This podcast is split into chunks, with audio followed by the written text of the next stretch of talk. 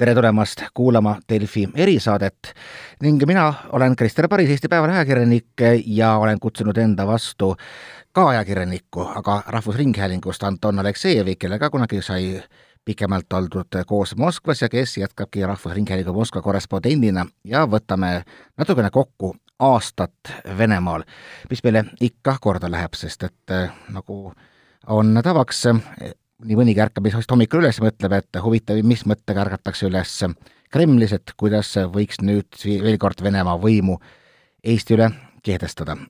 aga see nali naljaks, tegelikult noh, nagu ikka ka Venemaal ju kogu aastat mõjutas koroonaviirus ja, ja algus, kuidas Venemaa sellega toime tuli, ei olnud just ju väga paljutõotav, et aprillis, Anton, kui, kui sa kirjutasid artikli, et mille pealkirjaks oli umbes, et Kreml hülgas Venemaa ja võimuvertikaal kõigub, siis äh, tundus tõesti, et äh, sellise võimud said selle hoobi sisse, vaatati isegi hullemini kui, kui nii mõnedki te teises maailmas. Ja nüüd äh, kuidas praegu see pilt paistab, et kuidas on Venemaa sellest, selle viirusega toime tulnud? Ja ma peaksin vist ilmselt ka eristama Putinit ja Kremlit ning, ning muud Venemaad, muu Venemaa kohta just eile tuli teated, kuidas on järsult nüüd suremus tõusnud ja näitab just nagu oleks ikkagi koroonasse haigestumine ja suremus märgatavalt suurem, kui siiamaani üldse teatati no mina ütleks, et no eeskätt, mida rohkem me teeme testi, kas Eestis või Venemaal või Ameerikas või kus, kus iganes, seda rohkem me tuvastame need nakatunuid. ehk see, et statistika hakkas kasvama tegelikult ei näita midagi peale selle, et riik või meditsiini, mingi tervishoiuvõimud, asutused no, hakkasid tegutsema aktiivsemalt. aga vot see, et rohkem inimesi saavad nüüd koroonasse surma, vot see on küll silmapaistev ja kahjuks ei ole eriti selle üle rõõmu. aga siin on ka, on vaja vaadata, et äh, kas inimene suri just koroonasse või äh, oli põdenud võib-olla koro-, koroonat ja siis juba suri mingi tei-, teise haiguse. ja need, need tuli, mis eile tulid, tulid välja, mingid andmed olidki just see, mis näitas, et üldine suremus on järsku Venemaal kasvanud, mis nagu ilmselgelt kuidagi annab siis at-, atributeerida koroonale.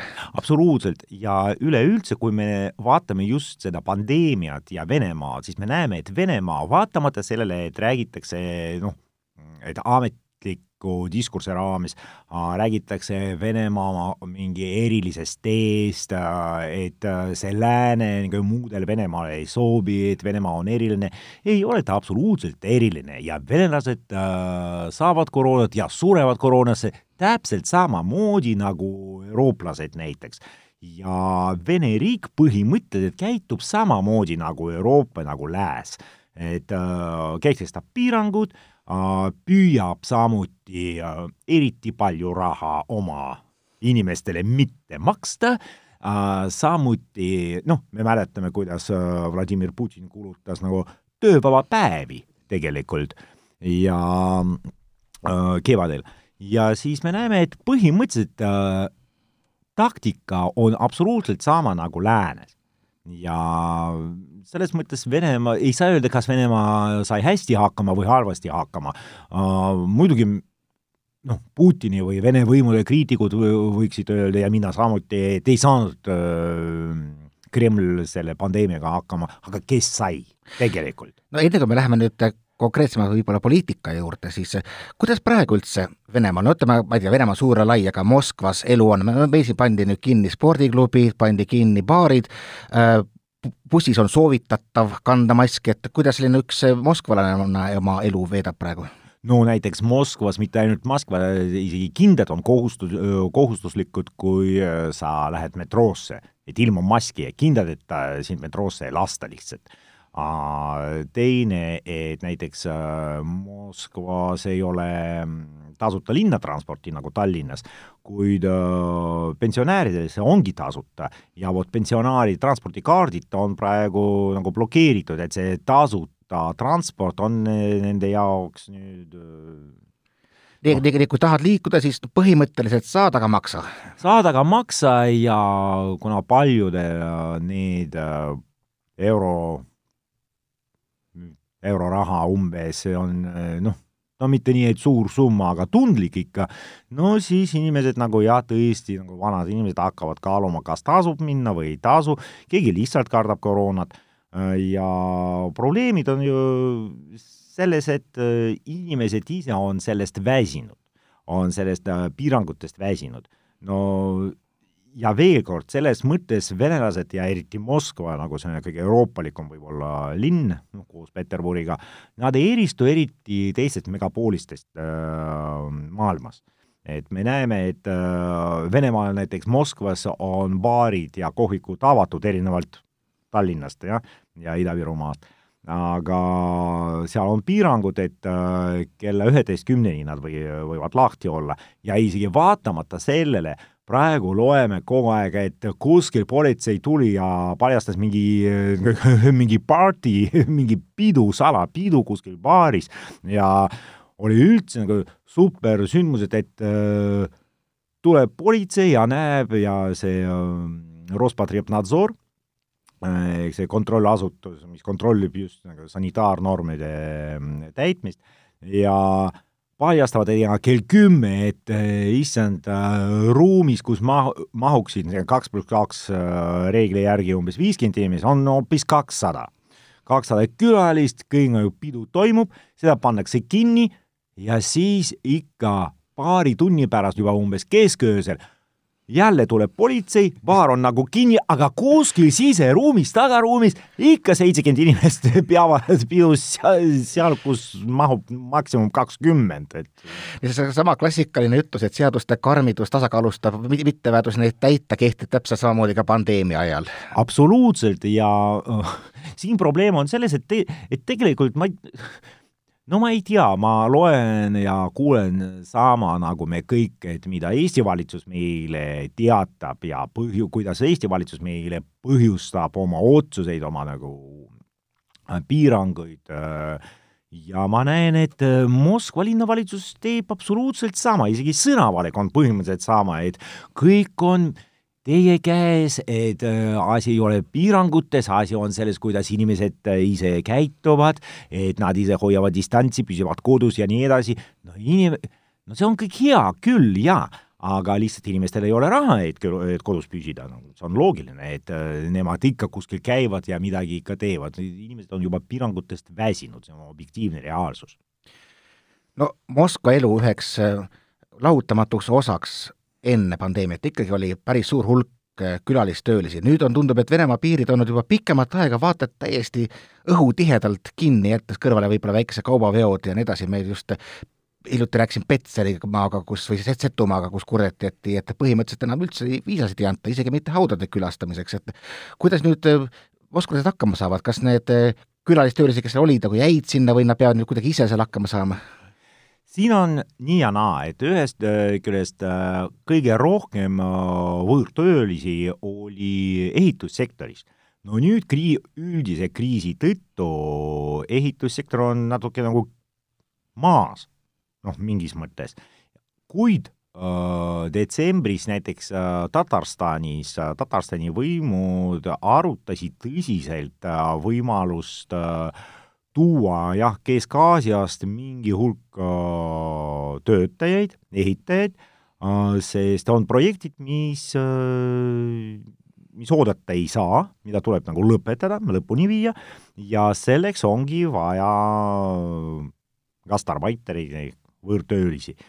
ja siin tekib küsimus, kas Vene valitsus seda lubab või mitte. praegu siiamaani Vene valitsus oli vot selles oma otsuses üsna karm ja, ja, ja resoluutne ja isegi näiteks siin pole ammu oli Vene suursaadiku Eestis äh, Aleksandr Petrovi pressikonverents ja tema ausalt siis ütles, et temal nagu diplomaadil ehk Vene välisministeeriumil ei ole praegu üldse midagi öelda selle kohta, et millal piirid lahti lähe-, lahti tehakse.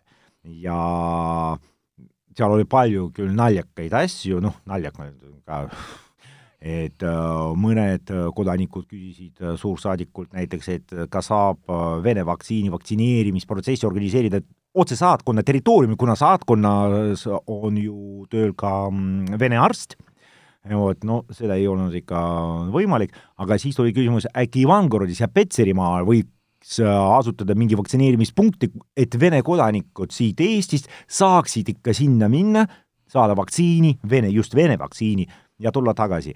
Üks aga asi oli väga-väga ma arvan, tark, kus imelikul moel äh, Vene suursaadiku ja Eesti välisministri arvamused põhimõtteliselt klappisid kokku, ehk tuleks äh, kehtestada, luua sellise nagu vaktsiinipassi, aga selleks, et näiteks Venemaal vaktsineeritud inimene saaks äh, Schengeni ruumis käia. Ja vastupidi, selleks peab Venemaa tunnistama lääne vaktsiinid ehk AstraZeneca, Pfizer, BioNTech, Mode-, Moderna ja vastavalt ka mm, Euroopa Liit, äh, Euroopa Komisjon ja vastavad ametid peavad tunnistama ka mm, Sputnik V, näiteks Vene vaktsiini efektiivsust. ja kui see toimib, no siis võib-olla midagi muutub. kuidas praegu see Venemaal tundub selle vaktsiiniga, et kui noh, algusest juba augustis kuulutati välja, et, et on olemas, siis tuli tegelikult välja, et on olemas tasemel, mida mida läänes alles alustati nii-öelda kolmanda astme vaktsineerimisi, aga ma ei ole ka kuulnud väga palju kriitikat läänest, et see vaktsiin tegelikult ei töötaks ja tundub, et see ikkagi ongi päris toimiv asi, mis venelased on välja mõelnud. no just, et äh, see, et äh, sina ei saanud auto ostmise momendil teha proovisõidu äh,, ei tähenda, et auto ise on halb, eks? ja siin on umbes sama ja no kurb on see, et äh, Venemaal üle viiekümne protsenti äh, inimest on vaktsineerimise vastu. vot see on minu jaoks väga kurb tegelikult, et isegi kui sa, no puhas, puhas loogika, mina ise lähtun ka sellest samast loogikast, et äh, isegi kui äh, see vaktsiin võib-olla ei ole eriti efektiivne, et need üheksakümmend neli, üheksakümmend kuus protsenti, mida meile teatatakse, isegi kui see on vale ja tegelikult on ei tea, kaheksakümmend või isegi seitsekümmend viis või umbes, no mina ütleksin nii, et vaktsiin sind ei tapa ja samuti vaktsiin äh, kingib sulle võib-olla, kui mitte tervist, siis vähemalt äh, liikumisvabadust. et kui sa saad passi ja siis sa saad siis reisida. no minu jaoks see on oluline et äh, sina oled nagu ühiskonna silmis selline usald-, usaldusväärne kodanik, kes vaktsineeris ennast ja nüüd on kaitstud ja ei esita teistele vähemalt ohtu, eks. ja äh, see, et Venemaal on äh, nii, nii suur on see osa, kes ei taha vaktsiini endale on väga kurb ja põhimõtteliselt on arusaadav, miks see on. aga just nimelt, miks see on, sest et vaktsiinivastaseid on igal pool, ka Prantsusmaal näitas mingisugune küsitlus nelikümmend protsenti, mõnes kohas nagu näiteks Kosovo serblaste hulgas suisa üheksakümmend protsenti ütleb, et tegemist on mingisuguse lääne vandenõuga. no aga mis on Venemaal, vaktsiin on Vene oma, Putinit no poolimeeni ikkagi usaldatakse, et mis siis seal põhjus on? no just selles ongi põhjus, et kui äh, no eeskätt siin nagu vastu mängis just asjaolu, et Venemaa on kogu aeg sõjas. et viimased aastad, no pärast Krimmi vähemalt äh,, venelased on kogu aeg äh, kogu maailma vastu või maailm on venelaste vastu. no vot, venelased on nagu süüdi, vot see russofoobia, kuradi kurat, valitseb äh, üldse maailmas ja mm, ja sellepärast äh, on see vastasseis ja iga samm igal pool nagu tajutakse nagu see, sellise noh, jälle üks samm selles vastasseisus, selles sõjas. ja vaktsiin oli mitte ainult vaktsiin, et ravida inimesi, vaid ka meie vastus läänele, et näete, meie oleme esimesed. aga meie vaktsiin on veel efektiivsem, aga meie veel, veel parem ehk see on natuke selline Hruštšovi ajastu, nagu tuletab meelde Dagonim ja Perigonim Ameeriku, no ühesõnaga, aga inimesed küll, no näiteks, kui küsida, no kas te toetate Vladimir Putinit, kes tõi Krimmi tagasi Venemaale? no jaa, no toetame. kas te olete Ukraina fašistide vastu? no jaa, oleme. no siis tähendab, et teil põhimõtteliselt, põhimõtteliselt teie seisukoht nagu klapib täitsa kokku no Kremli seisukohaga. aga see puudutab selliseid abstraktseid asju, mille puhul ei ole eriti nagu raske nagu nõu, nõus olla. aga vot kui tegemist on sinu enda tervisega, no siis kõik ju teavad, no kes kurat ütleb, et äh, tehke endale vaktsiini? no samad Vene propagandistid, Vene propagandakanalid, mis, äh, mis räägivad samuti, et neid seal ei ole, Vene sõjaväelaste puhul näiteks äh, Donbassis, neid seal ei ole. no me ju teame, et nad seal on, lihtsalt me nagu me ei anna neid alla nagu läänele ja lääs meid süüdistab, aga me ütleme, neid seal ei ole. aga minge tõestage, aga tegelikult kedagi seal ei ole. me ei tea, Malaisia Boeing, me ei, meil ei ole sellega mingit pistmist. no me teame ju, et jaa, no juhtus nii, no kurat, võtaks ja idee oli alla laasta Ukraina mingi transpordilennukit, no vot, ei vedanud nagu kukkus alla Boeing aga ei, me ei tunnista seda, me absoluutselt seda ei tunnista, me ei ole absoluutselt süüdi, see pole meie süü ja no ja siis, kui samad inimesed ütlevad sulle, vaktsiin on tegelikult väga hea, väga efektiivne, no ja, ja efektiivne, no nüüd me, me ju teame, me ju teame. Ja tegelikult on ka üks äh, väga hea asi, et siin paar päeva tagasi, kui ma ei eksi, äh, oli äh, uudis, et see Sputnik V nüüd sobib ka inimestele kuuskümmend viis pluss. Ja see tähendab, et just millest Vladimir Putin rääkis, vastates küsimu-, küsimusele, et tema veel ei pane, ei teinud endale vaktsiini, ei saanud veel vaktsiini selle tõttu, et see ei ole nagu mõeldud tema vanusegrupile, nüüd see on mõeldud, vot kui Putin teeb endale vaktsiini, kui Mišustin teeb endale vaktsiini, no vot siin Mišustin kusjuures peaminister ise läbi põdenud, nagu me mälet-, mäletame, vot kui nemad, need inimesed hakkavad endale vaktsiini tegema, no siis võib-olla, no siis võib-olla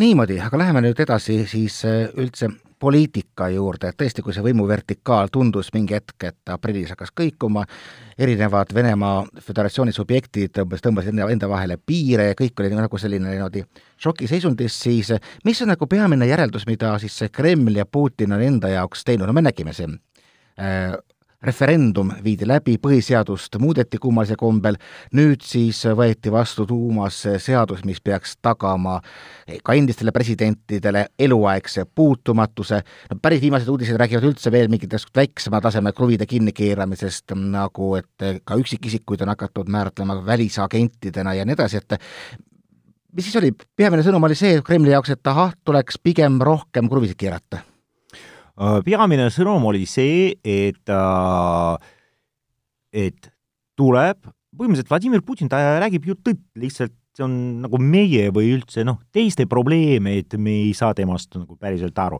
tema ei valetanud, tema ütles ja seletas, et kui ei pikendaks tema ametiaegade no arvu ja kui talle ei and-, ei anna näiteks seda võimalust nagu olla president kuni kahe tuhande kolmekümne kuuenda aastani, siis hakkabki valitsema mingi anarhia võimu koridorides. et ametnikud, saadikud, noh, kõik need poliitikud, võimu, võimumehed, riigimehed hakkavad otsima talle noh, mantlipärijat.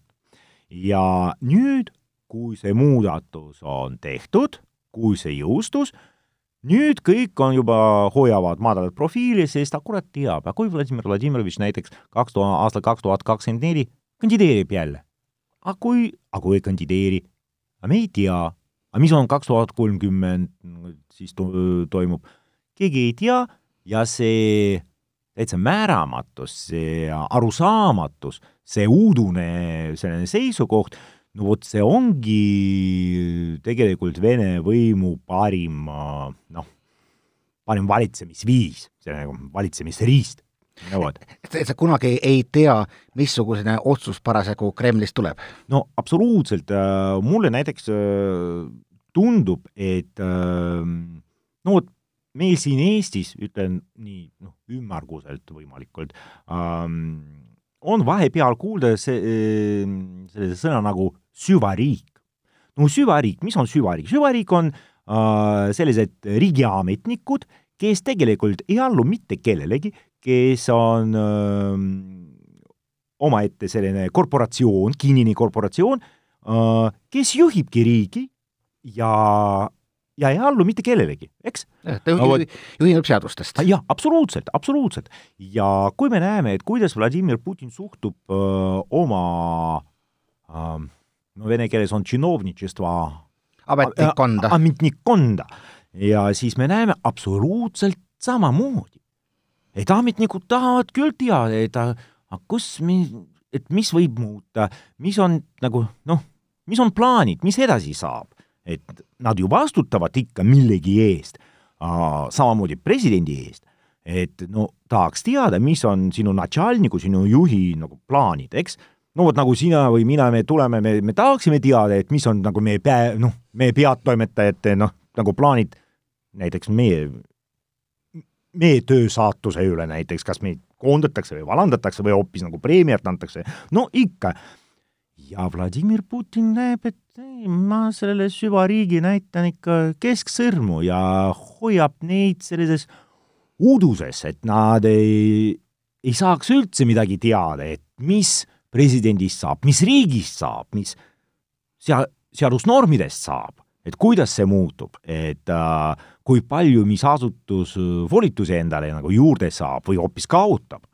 ja äh, ja põhimõtteliselt sama puudutab ka elanikkonda, et äh, näiteks inimene, kes postitab, levitab äh, mingi välisagendi mingi uudise peab märkama, et tegemist on välisagendiga. ja isegi välisajakirjanikud või, võivad saada seda välisagendi tiitlit, et kui ma lähen uuesti Venemaale, siis äh, ma pean olema siis ettevaatlik, et äh, et kas ma, kas keegi üldse julgeb minuga rääkida seal? no ma ei tea äh,. kui me võtame lihtsalt Vox Pop nagu tänavatel, no näiteks ma ei tea. kaheksas märts. jaa, kaheksas märts, et Здравствуйте, kuidas äh, teie tähistate kaheksandat märtsi, kas te kingisite juba oma naisele lilli või naine, kas te saite juba lilli, et äh, mis see pidu tähendab, see püha tähendab teie, teie jaoks? inimesed ja ütlen, et mina olen Eesti Televisioon, issand, inimesed äkki hakkavad kartma, et ei, ei, ei, me nagu teate, välismaalastega me ikka nagu ei suhtle.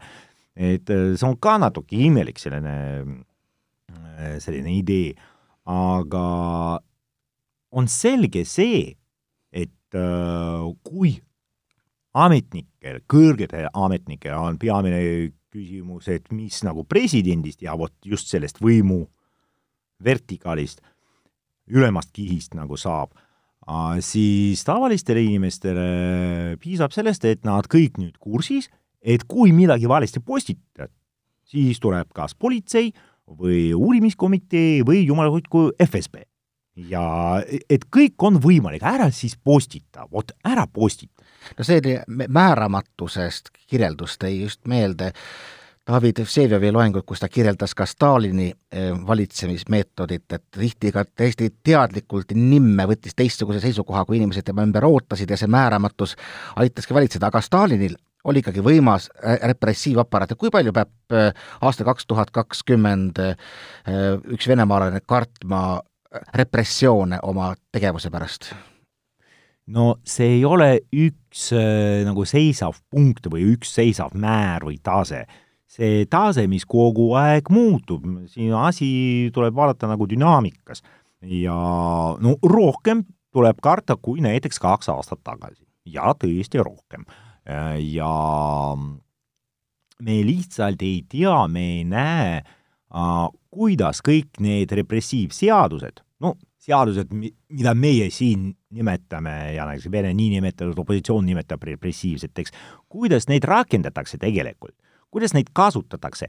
Ja tundub, et kui näiteks äh, päriselt äh, võtta vastutusele kõik äh,, kes postitab midagi valesti, välisagentide infot levitab ilma äh, ilma märkuseta, et see on välisagent, tegemist on välisagendiga, kõik, siis me näeme, et kõik põhimõtteliselt äh, on ohu all. aga küsimus on, kas äh, repressiivaparaadil äh, jätkub ressursse, et kõike vastutusele võtta. ja muidugi mitte. ja see ongi väga tähtis moment, et see ei ole karistus, on nagu, no kindlasti tuleb karistus ja mingi kuriteo eest. selles on justiitsi noh, mõte. ja siin ongi aru, arusaamatus ja udu ja ja selline nagu mõistatus, et et sa ei tea, kas, kas tuleb prokurör sulle, kas tuleb sulle politsei või mitte. ja siis pärast me, küll me näeme protsessi, kohtuprotsessi, kus Ivanovile pandi äh, trahvi, ma ei tea, viis tuhat rutsi või isegi küsimus on mingi kriminaalkarist-, karistuses juba, kas pannakse trellide taha või mitte, mingi postituse eest. aga samuti Petrovil, kes tegi absoluutselt sama, noh, temal ei olnud mingeid probleeme. et see, et sa ei, sa ei tea, et nagu mäletad sama meie äh, vene lemmikkirjaniku Dovlatovi, need riik meil on hull, riik meil on küll humaanne, aga lollist peast võib ka karistada. vot see on täpselt vot selline situatsioon. vaatame korraks Venemaa piiride taha, kõigepealt äh, Valgevene, kus tundub nüüd juba, et see tõenäosus saada karistatud ka mitte millegi tegemise eest on oluliselt kõrgem kui Venemaal. jällegi tihti on äh, Valgevene peetud nagu Venemaa selliseks eh, katsepolügooniks, ka meil Artemi Troitski just hiljuti kirjutas, et tema näeb ühe võimaliku stsenaariumina seda, et Venemaal ollakse aru saadud, et kui sul on piisavalt tugev julgeolekuaparaat, siis sa tegelikult võid ka vähemusena tükk aega valitseda ka üsna rahulolematu rahva üle. et mis on nagu need õppetunnid, mida Venemaa praegu sellest Lukašenka ja rahva vastasseisust enda jaoks teinud on?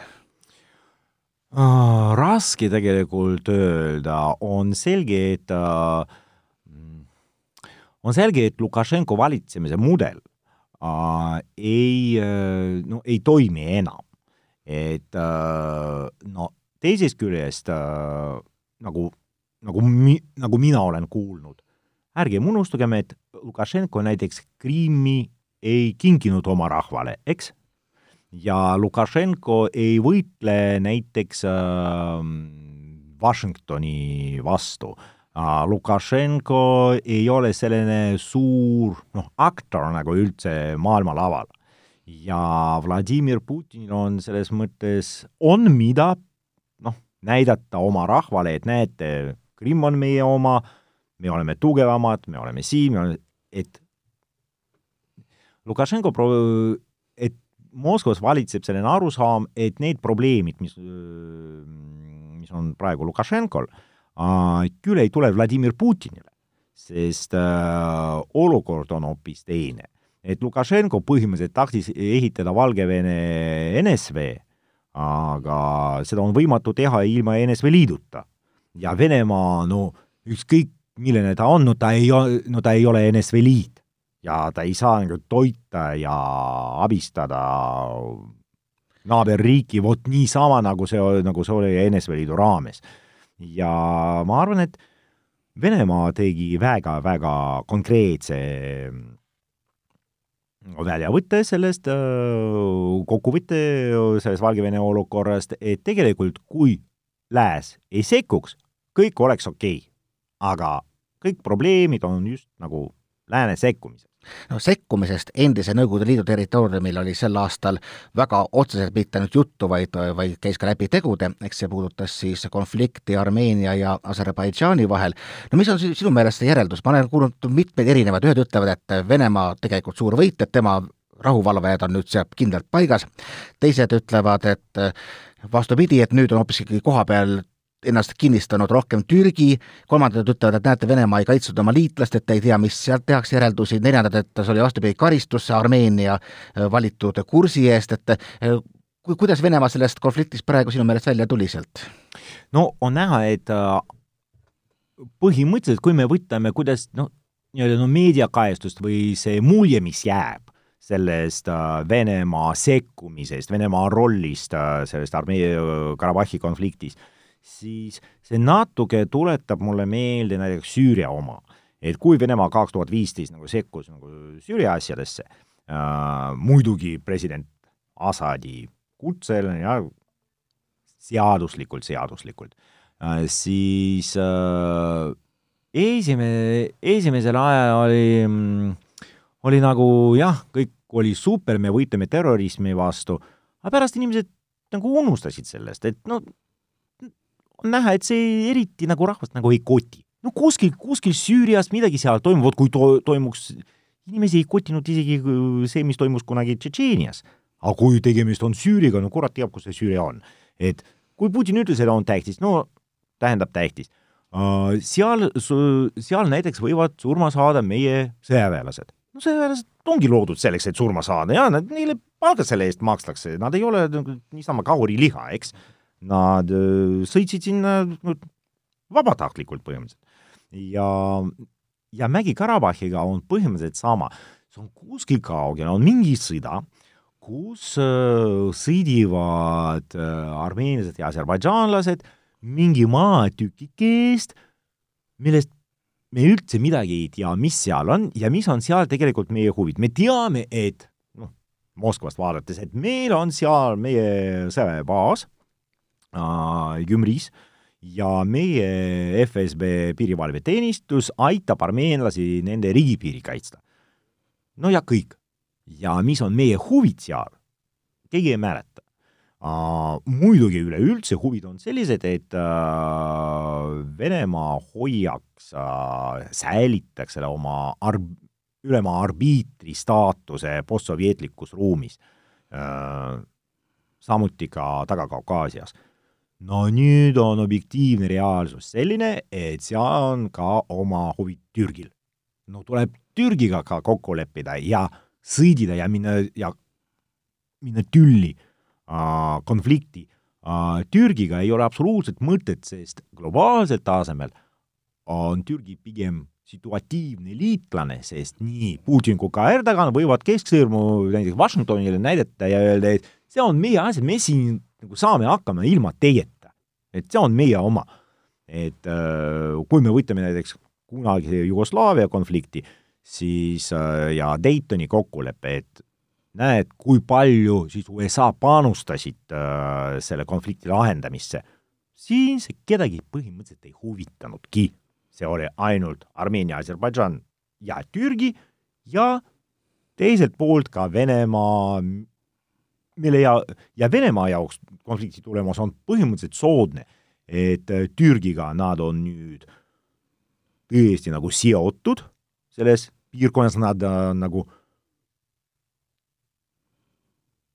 nad peavad äh, mingi koostööd teha, äh, tegema seal ja samuti seal on nüüd Venemaa laiendas oma sõja, sõjaväelist kohalolekut, et on äh, rahuvalvajad äh, seal Karabahhis, et ilma Venemaata ikka ei saa ja Armeenia ei kao mitte kuhugi ikka Venemaa mõjusfäärist.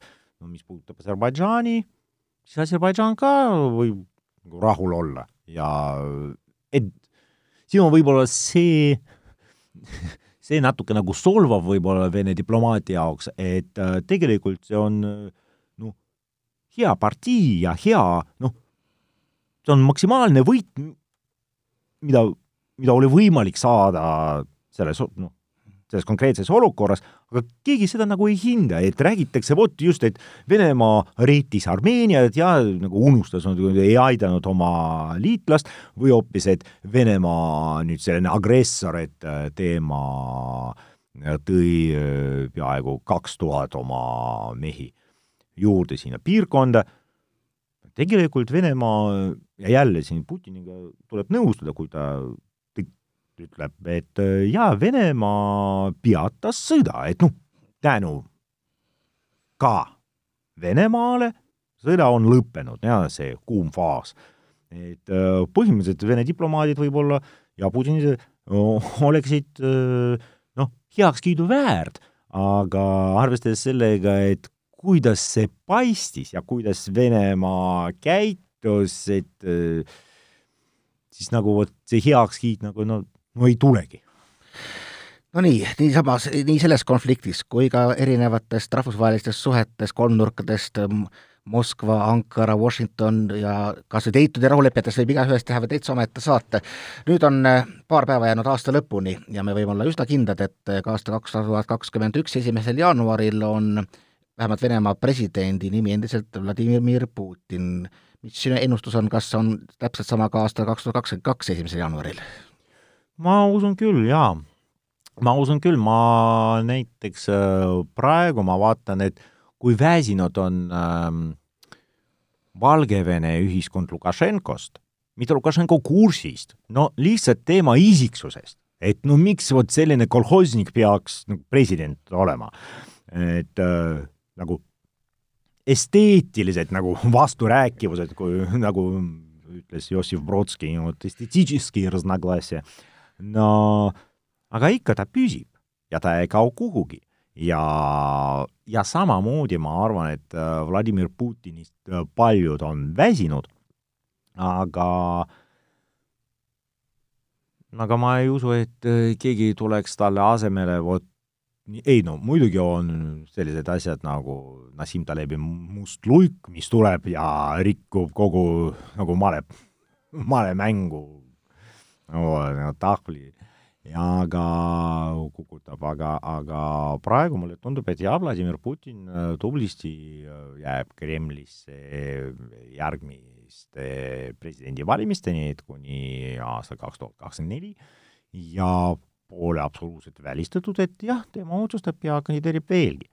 et äh, muidugi kõik võib muuta, aga praegu me näeme, et äh, kuidas me saame ennustada mis saab Vladimir Putinist või Aleksandr Lukašenkost või äh, Erdoganist, äh, kui me ei saanud ennustada isegi pandeemiat. noh, me ei tea, mis meie tervisest saab, aga me tahame siin otsustada nagu Putini üle. aitäh stuudiosse tulemast ERR-i Moskva korrespondent Anton Aleksejev